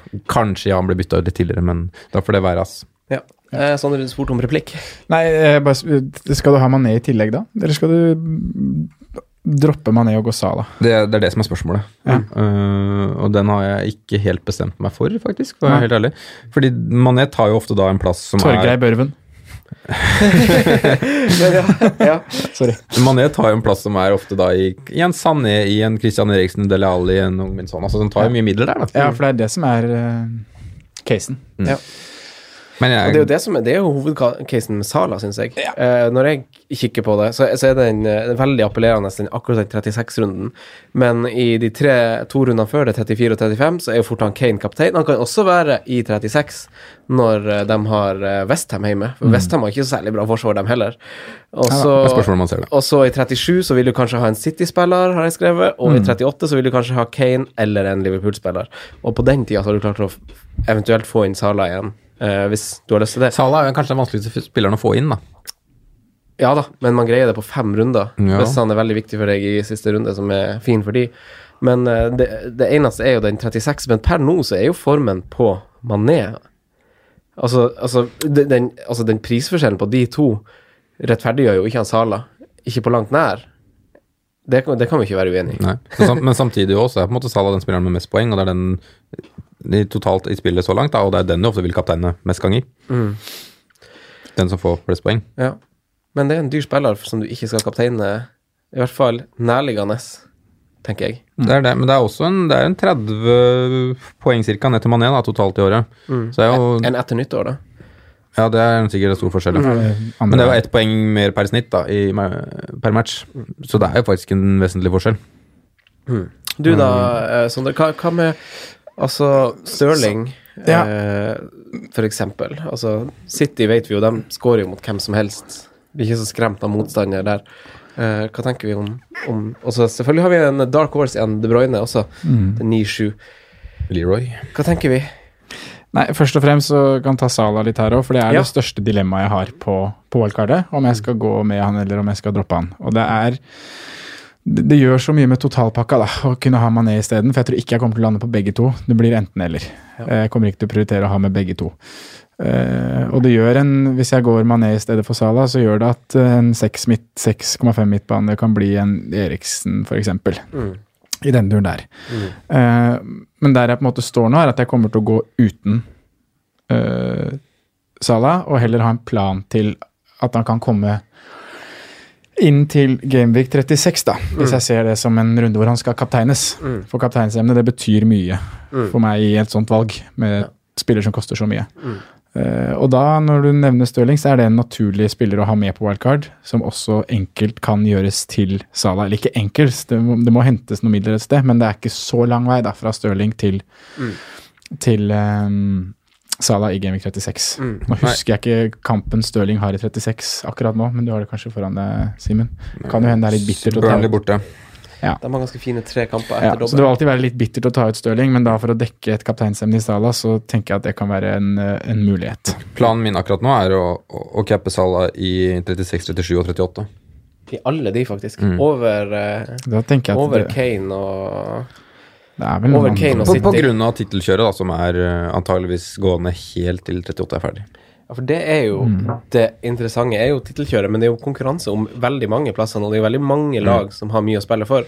Ja, alle topp seks har noe å spille for, og Alle, mange i bunnstriden også. mm, Cardiff, Newcastle Det blir jo spekulasjoner, holdt jeg på å si, for man vet jo ikke hvordan det er med spillere og sånn, men 37 Og Capper heller en City-spiller hjemme mot Leicester, tror jeg. Det er noe, hvis Aguero er tilbake, f.eks. Mm. Så vil jeg heller ha han Aguero trente i dag med laget, i Ja. hvert fall. Fullt. Mm. Jeg- stress på mandag. Eh, vi kan jo ta den for så vidt etterpå, da. Men jeg tror ikke jeg blir veldig involvert i City egentlig generelt, ja, altså, for å være helt ærlig. Fordi jeg veit ikke hva Pep kommer til å prioritere, det med, til- prioritere mest. Nei, og Derfor har jeg prøvd å highlighte Ederson litt i stad, egentlig. Mm. Fordi Hvis det er veldig viktig for deg å ha en City-spiller, så er det ja. Det er klink. Men- med det, Ja, sånn. ja. Sånn sett, ja. ja. Men, Men du eh, nevner Stirling, og ja. han er jo veldig naturlig å kikke til. Mm. Eh, så ja. øh, motstanden skremmer meg på en måte ikke. City slår, slår alle, de. Og at, at det er Tottenham og United hjemme i den dobbelen Nei, Tottenham hjemme i United borte gjør ikke så mye. Um, så han er nok mest sannsynlig på wildcardet mitt. Han er nok det, altså. Jeg føler man må ha ett bein inn offensivt der. Ja, jeg er litt enig. Jeg er det. Men igjen så er det så mye kamper, og du vet aldri. Plutselig så vil den i 90, da. En Som vi forutsa i 32. Enn de andre City-midtbanene, de går jo litt under radaren fordi han Stirling Ikke at han har gjort voldsomt masse i uh, ny tid her, men uh, det er jo De Bruyne, det er Bernardo Silva, David Silva, Sané Det er jo andre spillere som har fått målpoeng i de siste kampene. Er det spillere man ikke tenker på, eller er det spillere man kan kikke til hvis det er en sånn nøkkel for å få finansiert og få en fin totalpakke av et lag? Jeg synes jo på en måte Ja, det, det, det er vanskelig, da, for jeg føler på en måte de som hadde Bernardo Silva nå i, i den forrige dobbelen, er jo på en måte heldige, da, spør du meg. Som, som I hvert fall de som altså, har du hatt den lenge og planlagt å ikke ta øh, gjøre så mye, så er det på en måte greit, for han har vært med bare på, på skytset, men ja, det, det, jeg syns det er så vanskelig. Skal jeg tørre å ta seg ned, som har vært ut og inn av laget i evigheter nå? Skal jeg tørre å gå David Silva, som kanskje, antageligvis han som kanskje får flest minutter på midten, men det skal også spilles inn to Champions League-kamper her, så nei. Jeg syns det er vanskelig vanskelig å ta stilling til hele midtbanen der, jeg, for å være helt ærlig. Hvis jeg skulle gått noe annet enn Stirling på midten, så hadde det vært Kevin De Bruyne. Ja, samme her. Og Ja. Jeg tror ikke han er ekskludert fra Nei. mine tanker. Nei, han er ikke det. Han koster 9-7. Han er uh, siste fire gameweeks er den spilleren som har skapt nest flest store sjanser bak Ryan Frazier. Men han har liksom kommet tilbake litt nå anonymt og bare smuget seg inn i laget og begynt å spille fast igjen. Tre, 90, eller tre starter på rad, vel. Um, og jeg tror han kommer til å spille stort sett det meste mm. utesesongen. Starte kamper, eventuelt bli tatt av litt tidligere. Og det er jo det som vi er inne på i stad. Stirling heller kanskje ikke så aktuell kaptein i nærliggende framtid. Uh, Eh, Jeg tør du å cappe Stirling i det hele tatt ut sesongen, med tanke på hvor mye de har Vi vet jo hvor de står i Champions League, i hvert fall. Eh, Man tør, Men det er jo Eh, fortsatt kamper tett på. Man tør det hvis man vet at man han har hvilt i kampen i forkant. Ja. Så det er vanskelig å si det nå. Ja. Hvis, hvis du skjønte hva jeg mente Ja, ja. Ja. Så så man han- kan ikke belage seg. Hvis man har hvilt i en Champions League-kamp, for eksempel, Spurs Så tør man å cappe. Ah, Jeg tror ikke jeg hadde gjort det, altså. Altså så vet vi at han kan få potensielt uten å cappe at han, er, han har en sånn takhøyde som kan sikre tosifra uavhengig av om Ja da, han cappes eller ikke. Fått for dem Selvsagt. 21 poeng. Mm. Men uh, ja, det er bra. Men det jeg føler at Uten at vi har snakka om det, at vi er litt samstemt på, er at vi skal ha en Tottenham-midtbane. Ali Eriksen eller Son. Eller er det bare jeg som eh, Nei, jeg føler inne at jeg er veldig nå. bestemt på det? Ja, jeg er ganske jeg, bestemt på det. ja. Det, akkurat nå så står det mellom en, en Spurs-meet eller Sadio Mané. Ja, du er der, ja, for du er så bestemt på Sala. Mm. Jeg har så mange dører åpne, for jeg har ekskludert han Sala. Ja. ja, da kan du Ja, du, har bestemt, du har bestemt deg for å gå uten Mohammed Salah. Ja, jeg har det. Og da gjør jo det så du kan ha både Stirling, Eriksen og Kané. Ja. Mm. ja. Ja, Jeg kan få et ganske bra lag uten. Jeg er ganske fornøyd med totalpakken, egentlig. Og så må du da eventuelt bare ha en plan på hvordan du kan få, Mm. få til 36 da, med Salah inn. Da er det jo dumt å ha det der planlagte byttet til 35 av å bytte ut en Brighton-spiller. Hvis, vil- vil- hvis du vil ha to bytter til Ikke 36 sant? Her må ja. puslespillet Ja, ja. legges. Men spørsmålsbane. Ja. Jeg har uh, sånn øverst på lista Hvorfor det? fordi jeg digger den. Men Eriksen er det sikreste valget å gå med tanke på spilletid. Mm. Så til respons uh, Kjedeligst òg, da. Jeg er, bare, jeg er bare litt redd for den mest nærliggende kampen nå, pga. Champions League. Ja.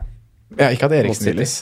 Nei, ikke han, der, derfor, der tror jeg jeg er enig med deg i at han er kanskje Ja. den som er mest sikker, men Son Ali kan liksom få seg en pust i bakken uh, eh, imellom de her to City-kampene. Og igjen så er de de mest eksplosive, hvor det er høyest tak. Jeg er helt enig med deg, Sondre. Det er, det, det er sånn som skal på på den midten. Ja. Ja. Du er så Ja, men av, av Spurs-skytsa, da. Jeg holder liksom Eriksen ganske høyt også etter eh, Jeg så han var ganske høyt i banen nå, eh, selv om han var litt sånn sklei litt og glatt matta på det hjemmedebuten der, men eh, han, var, han var ganske høyt i banen, syns jeg, til han å være. Og Det er kanskje fordi at de begynner å få tilbake den troppen som de i utgangspunktet skal være. Så jeg syns han var Han fikk jo også betalt, Ja, han gjorde det. så Godt betalt, da. Ja. Så ja, han holder, skaper jo tre store sjanser ved samme periode hvor han De Bruyne har skapt fem, eh, som er nest mest. Så det er liksom Så det, det står mellom en av de to skal nok med, tror jeg. Og så tror jeg jeg har glemt eh, Altså dropper min en tidligere favoritt i Ali, altså. Ja.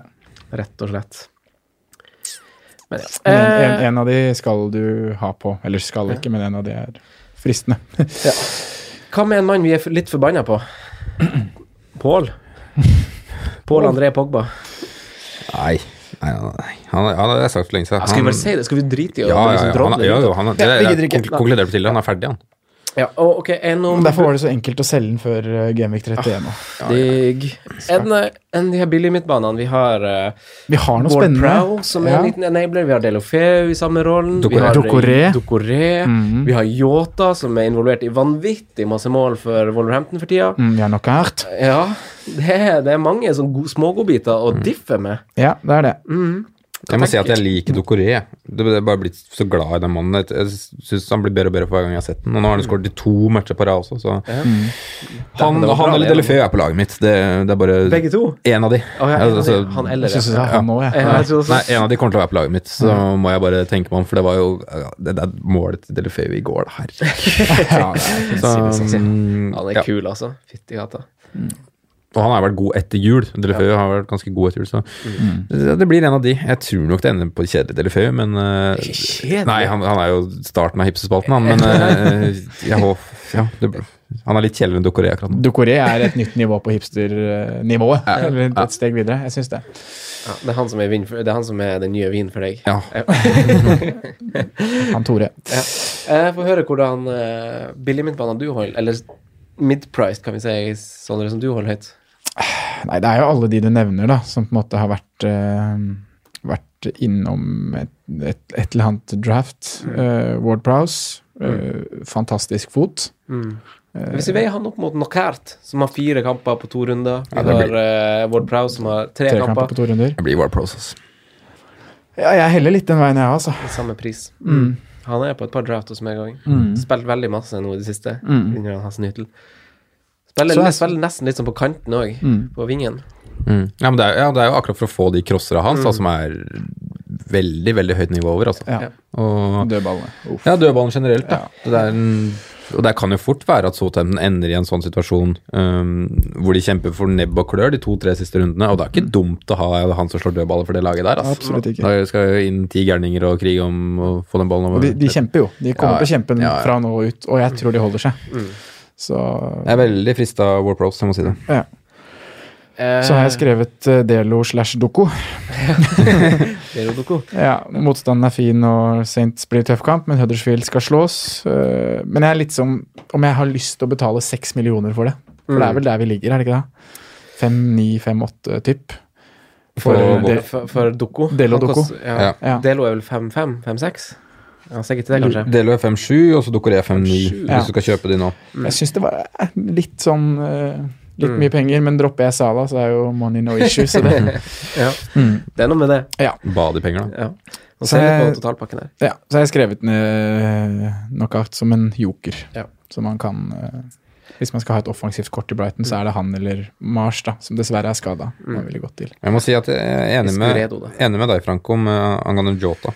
Ja. Uh, han òg frister, altså, for han har vært god i det siste. Og er jo, den, er jo helt oppi der nå i, på måte, i posisjoneringa. Og det er jo tilfeldigheter nesten at han ikke har bare vært involvert i enda mer. Mm. Ja. Med tanke på hvor gode de har vært. ja, han har Og vært kjempegod. Og det er nesten det er helt greit å å doble offensivt fra Wolverhampton. Mm. For i min situasjon Nei, så er. Jiminez helt klink. Ja, jeg skjønner jo for det, det som har den, da. Ja. meg har bare vært et mareritt. Ja. Mm. Men jeg ville nesten tenkt at uh, hvis du skal kjøpe den for 6-5, Mm. fortsatt helt klink. Ja. Er du ikke enig, Franco? Jo, jeg syns egentlig det. Hvis du, du må jo ha en billigspiss. Ja. Eller, ja. Uh, ja, vi kan Ja, nei, men jeg er helt enig. Og så har jeg jo jeg, jeg, jeg strekker det så langt som jeg, at jeg ser på Jiminez som et kapteinsalternativ i Gaming 35. Oi, Mm. stil. Jeg gjør det. Men Ja, han eh, leverer jo. Hadde han, han, han, han kosta ni millioner, så hadde jo veldig mange flere kapteiner han ofte gjennom Ja, han sesongen. kommer, Det er jo helt han kommer til å koste det neste år. Vi var, det var jo dere som pratet litt om det på Twitter, men han kommer jo til å være oppe Ja, bevart i pris. jeg tipper vi 8-5, jeg. ja. Ja, jeg Jeg føler 8-8-5. Rundt var det der. ja. Men uh, Yota Men og snakker kan spille altså, Han Yota har jo faktisk fire målpoeng på de fire siste kampene. Ja, er veldig bra. Eh, involvert i veldig masse, egentlig. Han er faktisk involvert i eh, fryktelig masse om dagen. Ja, det, det Ja. jeg tror jeg skulle slå i bordet med, med, med noe mer av stats der, men det hadde jeg ikke. Men, så er det jo altså Det er én veldig fin match i dobbelen, i Brighton hjemme. Og så er det en medium, men du kan fortsatt score hjemme mot Arsenal. Det er jeg ganske sikker på at de gjør. Det eneste som er sikkert, er at de scorer hjemme mot Arsenal. Ja, og jeg tror fort de kan score mot Watford borte. Og Fulham Fulham hjemme i 37 er jo veldig fin. Så det er så det liksom fire gode matcher. da Southampton borte nå til Tyrå er ikke så ille. Så det er fem av seks gode matcher, da. Akkurat det der er hovedgrunnen til at det også var enkelt å holde på Wolverhampton gjennom de doblene. Fordi de Og så hadde, har de har så rykket fin ut nå av avslutning. cupen. Ikke at eh, finalen er veldig nærliggende, men altså, vi vet at det er serien som er fokus. da. Ja. Kriger Så- om en sjuendeplass, Ja, som er kjempe... og Dorothy kjempe- var meldt på igjen nå i cupen.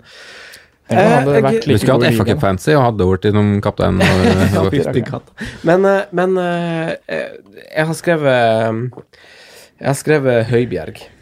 Eh, det er Nei. ah, nei, men, nei, men du må høre sånn, eh, Simen, for det er en begrunnelse bak det, så klart. B-lagsmann. Eh, Det er jo fordi at når man setter opp eh, et wildcard-lag nå, Mm. også med tanke på free hit, så må man tenke at det er tre runder igjen, og du bruker liksom ikke den femte spotten, eller den av, Hvis du spiller 3-4-3, da, så bruker du ikke den femte spotten på midtbanen på en dyrere spiller som du blir måtte benke senere. Må du, det? altså, du bruker det jo helst på en spiller som kan sitte etter dobbel gaming, som kan sitte på benken mm. ut sesongen. da. Derfor har jeg skrevet han Høibjerg, bare for at du må ha en eh, Om du spiller 3-5-2, eller om du spiller altså At du bare har en spillende men er ikke Kamaraza over Høibjerg i ni-ti av tilfellene? Altså, Kanskje. I min bok så er i hvert fall ikke Høibjerg vurdert engang til den posisjonen der. Vil du, som- ha, du får jo en kamp ekstra med Høibjerg, da.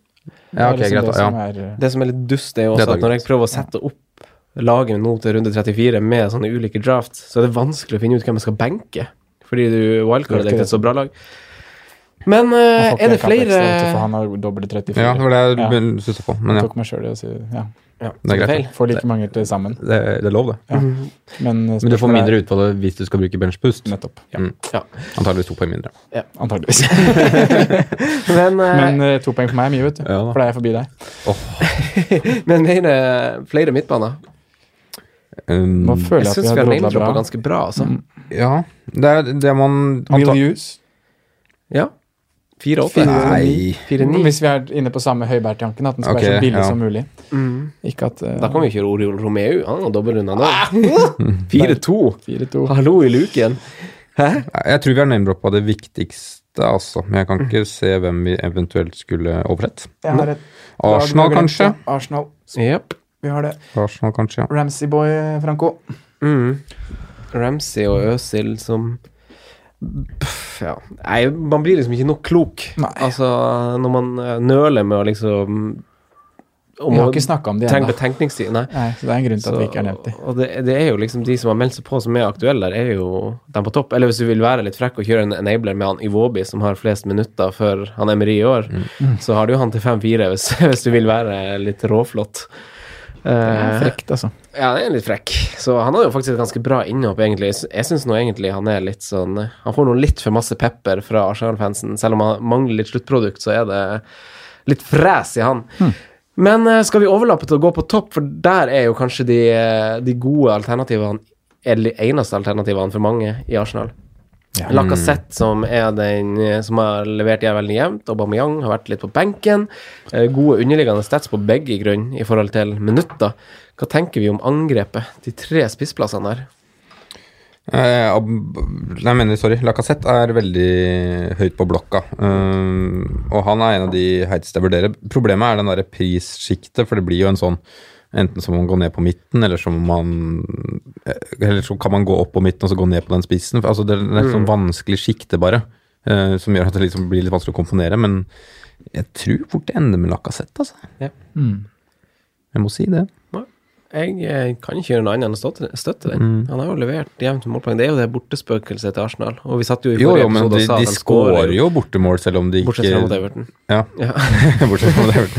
men, men de skårer jo litt mål borte, selv om de ikke har, har så mye poeng der. da. Mm. Så skårer de fortsatt mål, og det er jo et ganske sexy program hvis du ser på motstanderlagene sånn totalt sett her, da. Det er de det. seks kampene som er igjen. Mm. Det, det er det. Det er det der møtet møte lag som, eh, som slipper til en del sjanser. Som møter antakeligvis lag som ikke har så ekstremt mye å spille for. Ja. Med tanke på at Palace med seier nå ser jo egentlig ganske bra ut. Watford og Wolves er jo godt som trygge. Det samme er Leicester. Brighton kanskje kan være nedi der, vel, men Burnley og antagelig, alle er antageligvis sikra når de møter dem, så, slik jeg ser det. da. Og da kan det fort være litt sånn ferietakter og Marbella-tanker og Skal, skal dere begge ha en uh, Hurricane Katrina? Ja. ja. Ja. Vi skal jo det. Så da er det de to andre spissposisjonene man er litt usikker på. Og der har jo vi som har stått med Raúl Jiminez, står jo med han, så klart. Ja. Uh, Og jeg hva tenker du, Sondre, om spissposisjonen? Litt sånn åpen, åpentenkt. Harry Kane holder én spot. Uh, og så, som jeg sa i stad, jeg mener at alle, uavhengig av pris, ja, bør vurdere Raúl Jiminez. At han også egentlig skal inn og ha en, ha en spot der, med tanke på programmet som er igjen. Det er egentlig bare én kamp jeg ser som er skikkelig vanskelig, og det er Liverpool borte i siste serierunde. Ellers er alle kamper overkommelige, og kamper jeg tror Wolverhampton kommer til å skåre mål i. Så for bill på billigspissen så er det jo for dem som ikke har han Raúl, så er det jo han eller Andini eller Murray, kanskje. Ja, for det er jo Murray-diskusjonen vi kanskje burde eller Han bør nevnes, da, i hvert fall, med tanke på double gameweek 34, double gameweek 35. Ja. Og at han er et naturlig, en naturlig mann å kikke til i det offensive Brighton hvis man vil inn der. Mm. Uh, det var vel Jonas Berg som nevnte det i en chat, eh, Simen, at eh, han har ikke scora på hjemmebane siden gameweek 15. Mm. Glenn Murray.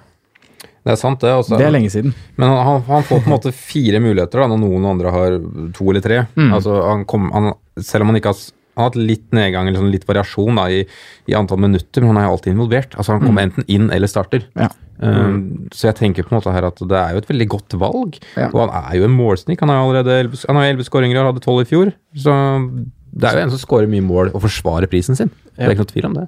Ja. Spørsmålet er om han får to kamper, da, i, eller hvor mange kamper han får av de fire neste. Over Mm. de to neste rundene. Jeg tror han, han får fire matcher, men jeg tror ikke han får 4,90. Nei. det har Lokadi også, som har Tre en del minutter nå. og- Ja, hvis du ser minutter, kanskje. så noe sånt. minutter, Ja. ja. To og en halv, tre. Mm. til sammen. Ja. Men det er den spissrekka jeg står på per nå. ja. Var det er Kane Murray, Jimenez. Jimenez, ja. Mm. Ja. Mm. Eh, Ja. Litt mer skeptisk til Lacassette enn hva dere er, men kjøper jo argumentene kjempegodt. Og det du nevner, Simen, at det, det kan hende at de møter lag som er litt ferdig da, mot Mm. slutten av sesongen. Det er jo Tatt en Bournemouth. Ja, tatt en Bournemouth, og det er det man ønsker at Mm. spissene skal møte. Men eh, igjen så blir jeg på en måte ikke helt overbevist da når de Nå er Everton i form, da, men et bortetap mot Everton uten å skåre mål det er liksom ikke noe man Ja, det var litt dølt òg. Det var litt dølt. Det var kanskje det. Jeg så ikke kampen. Men uh, som jeg sa i forrige runde, så har eller forrige pod, uh, så har Lacassette ganske greie tall på bortebane mot lag som er fra sjetteplass og ned, da. Mm. Det er ett målpoeng i snitt. Mm. Så er det spørsmål om det er verdt prisen av ni. Ikke sant? Jeg er ikke, ikke solgt. Men Troy er den sexy her, da. Ja. På topp her. Er- Det, det syns jeg. Men han er vanskelig å han, Det er vanskelig å sette inn han, og så har du en god følelse på at dette kommer til å gå bra. Men det er jo noe som faktisk påvirker Delofeo litt òg. Han Gray er vel litt sånn ut og inn, og er ikke Ja. han tilbake litt fra noen skadegreier? Jo, det kan være. At det Eh, kan påvirke litt spilletid for Delofeu? Jo, Det var vel Fulham-kampen han ble bytta ut ganske tidlig. Ja, for så vidt begge to så vil jo det spøke litt, for det er jo ikke, det er ikke noen som er Med tanke på spilletid, da, så er det Mm. ikke noen som spiller 90 alltid av de tre, på en måte, da. Det er jo litt sånn variasjon. Plutselig går Delefeu, og Delefeu har jo kanskje vært den som har gått mest ut, da. Ja, det Eh, det. Men eh, Men igjen så er det den som spiller out of position, da, som står som midtbane og spiller spiss. Yes. Og, og er vel kanskje den som, når man ser, virker farligst. Føler jeg, i hvert fall, da. Ja. Ja, av de tre. Men uh, Han kan lage noe, skape noe på egen hånd, vet du. Ja, ikke sant. Ja. Passe litt den når de prøver å gå med, å gå med den kontringstaktikken, så føler jeg han er den som er giftig. Da. Ja. Dini kan få ta straffa, da. Det er jo Ja, det er et veldig pluss, da. Ja, ja. Det er jo det. Uh, men uh, det er jo en vi ikke snakker så masse om, som har veldig gode underliggende tall. Trommelom. Trommelom. Lukaku. Ja. Kommer til å være i mange wildcard-lag, kommer til å levere bra. Mm. Men jeg liker ikke dobbelen. Hva tenker vi om han? Han har jo veldig gode underliggende stats, Mm. og er jo egentlig i ganske god form. Ja. Jeg liker ikke dobbelen, jeg liker ikke Chelsea-kampen 36. Nei. Ellers er det bra Ja. pictures-messig. To siste er jo to siste er en drøm. To To siste er en drøm, det er helt enig Ja. Er det triple Og? Rashford, Triple også, for den saks skyld, må vi jo I selvfølgelig hvert fall med tanke på Lukaku, som har en historikk i å være veldig god mot, mot svakere lag. Altså når han får dominere fysisk. Og mot slutten av sesongen, eller? Det, det, det har jeg faktisk Husker bare den der West Bromwich United 5-5 i Fergie sin siste. Ja, banka ja, inn. Ja, det kan godt være at han, det kan godt være at han uh... Husker du ikke det? Nei.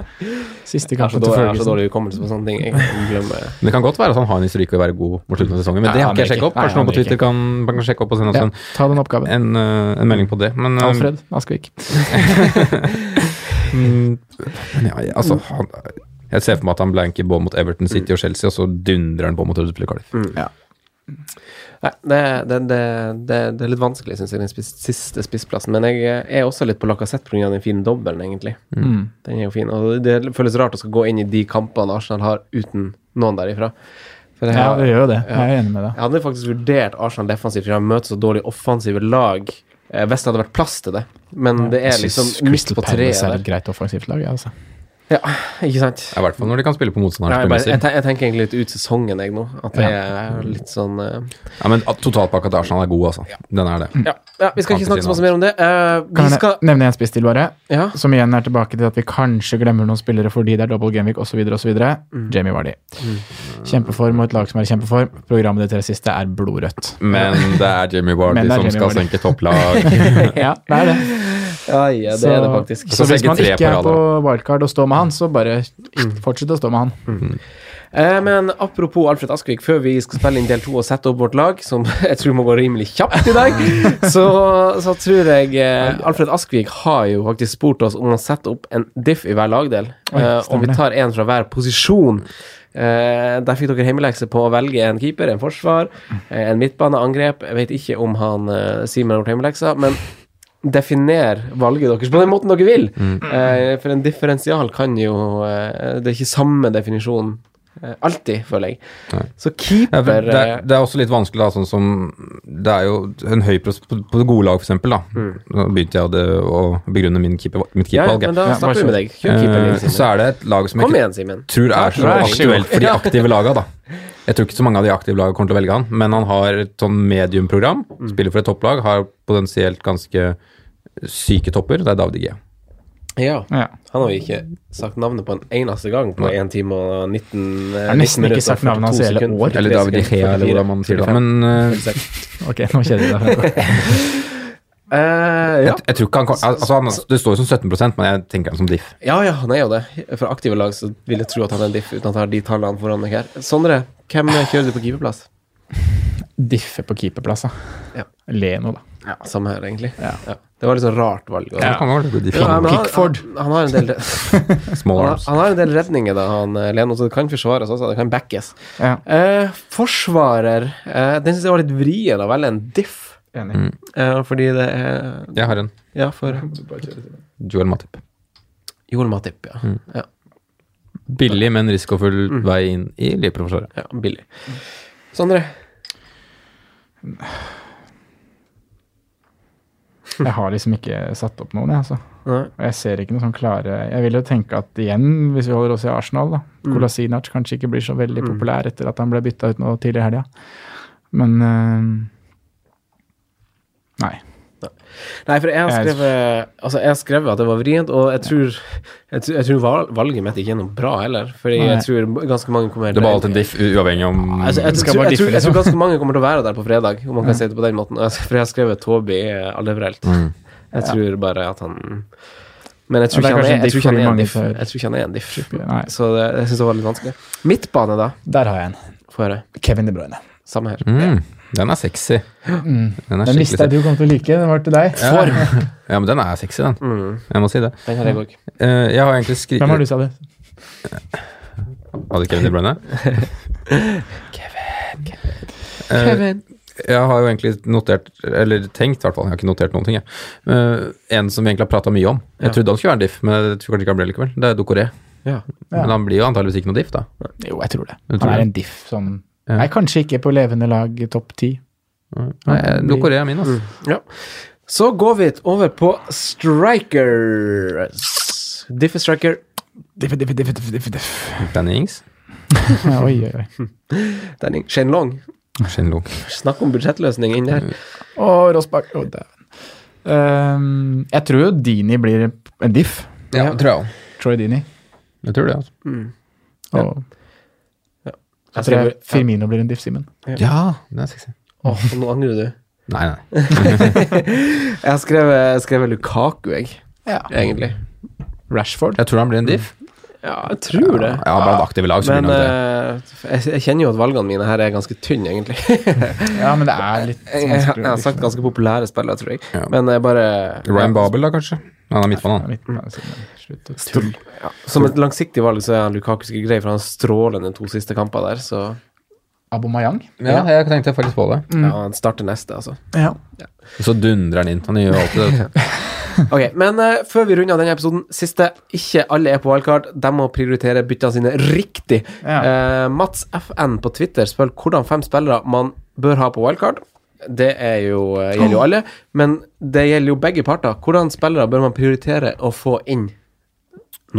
Hvis man ikke er på wildcard. generelt. Um, Hvis du tar det litt kjapt. Mm, ja, hvis man skal ta det kjapt, ja. Nei, jeg syns man skal inn i, i Spurs defensivt på et eller annet vis. Uh, om det da er Loris eller Trippier eller hvordan du, hva du ønsker der, så syns jeg faktisk du skal det. Ellers syns jeg det er vanskelig å si liksom hva som er, for de som ikke har wildcard nå, har antageligvis tre Liverpool og tre City. Antageligvis, regner jeg med. I hvert fall fire fra de to lagene der, da. Så pff, det er vanskelig. Brighton må du kanskje inn i. Du må faktisk kanskje inn i Brighton, fordi alle på wildcard skal kaste inn Brighton. ja. En Brighton defensivt ville jeg kanskje prioritert. Ja. Og så Spurs i alle ledd. Ja. Eh, har du ikke Harry Kane, så ville jeg prioritert å få på Harry Kane. Du har alle ledd, ja. Mm. Du vil ha i alle ledd. Spurs. Forsvar, eh, midtbanespiss, Ja. ikke keeper. Nei, nei. Skjønte for så vidt det. Men du vil det. Ja, jeg tror det. Eller liksom, det- du kan jobbe deg inn i alle ledd, da. Jeg tror at det, kommer til å være mange på wildcard med spørsmål. Harry. Kane må du ha nå. Han må ha Harry Kane. Og så kan jo diskusjonen være en helt annen hvis nå Aguero tilbake i trening. Det forandrer plutselig mye for meg, altså. Ja, Jeg elsker Aguero, jeg. Mm. Han er vår guy. Ja, han er det. Ja, spørsmålet med Aguero er hva City, eller Pep, ønsker mest, da. Mm. Må vel ha Premier League-tittelen. Han skal ha fire titler, Champions Jeg syns Jesus har vært ganske god også, faktisk, i siste. Rart å si. Men uh, jeg har også skrevet Tottenham, at der må man inn. Jeg har skrevet Kane og uh, to til, spørsmålstegn. Eh, Jimenez.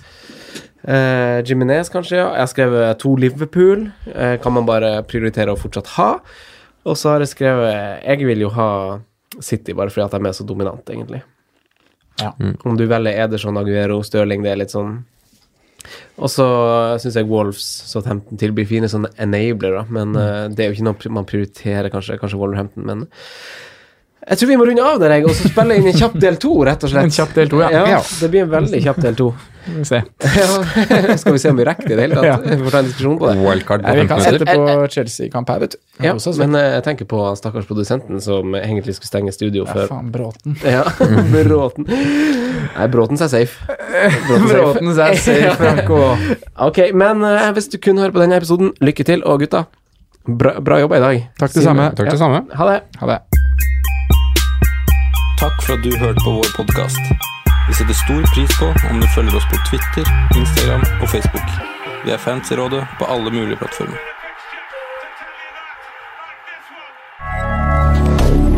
Moderne media. Ukens annonsør er Folio, en smartere banktjeneste for deg som har en egen bedrift eller ønsker å starte for deg selv. Folio er en superenkel nettbank for bedrifter. Som kunde i Folio får du en bedriftskonto med et bedriftskort og app. I denne appen er det smarte løsninger som forenkler regnskapet ditt, uansett om du har en liten bedrift eller et enkeltpersonsforetak. Folio er både intuitivt og brukervennlig, og er laget med et enkelt språk. I tillegg tilbyr de forutsigbare priser og ingen skjulte gebyrer. Skulle du likevel trenge det, så kan du snakke med deres raske og hyggelige kundeservice, og der får du prate med en faktisk person og ikke en chatbot. Folio er med andre ord både enklere og koseligere enn banken.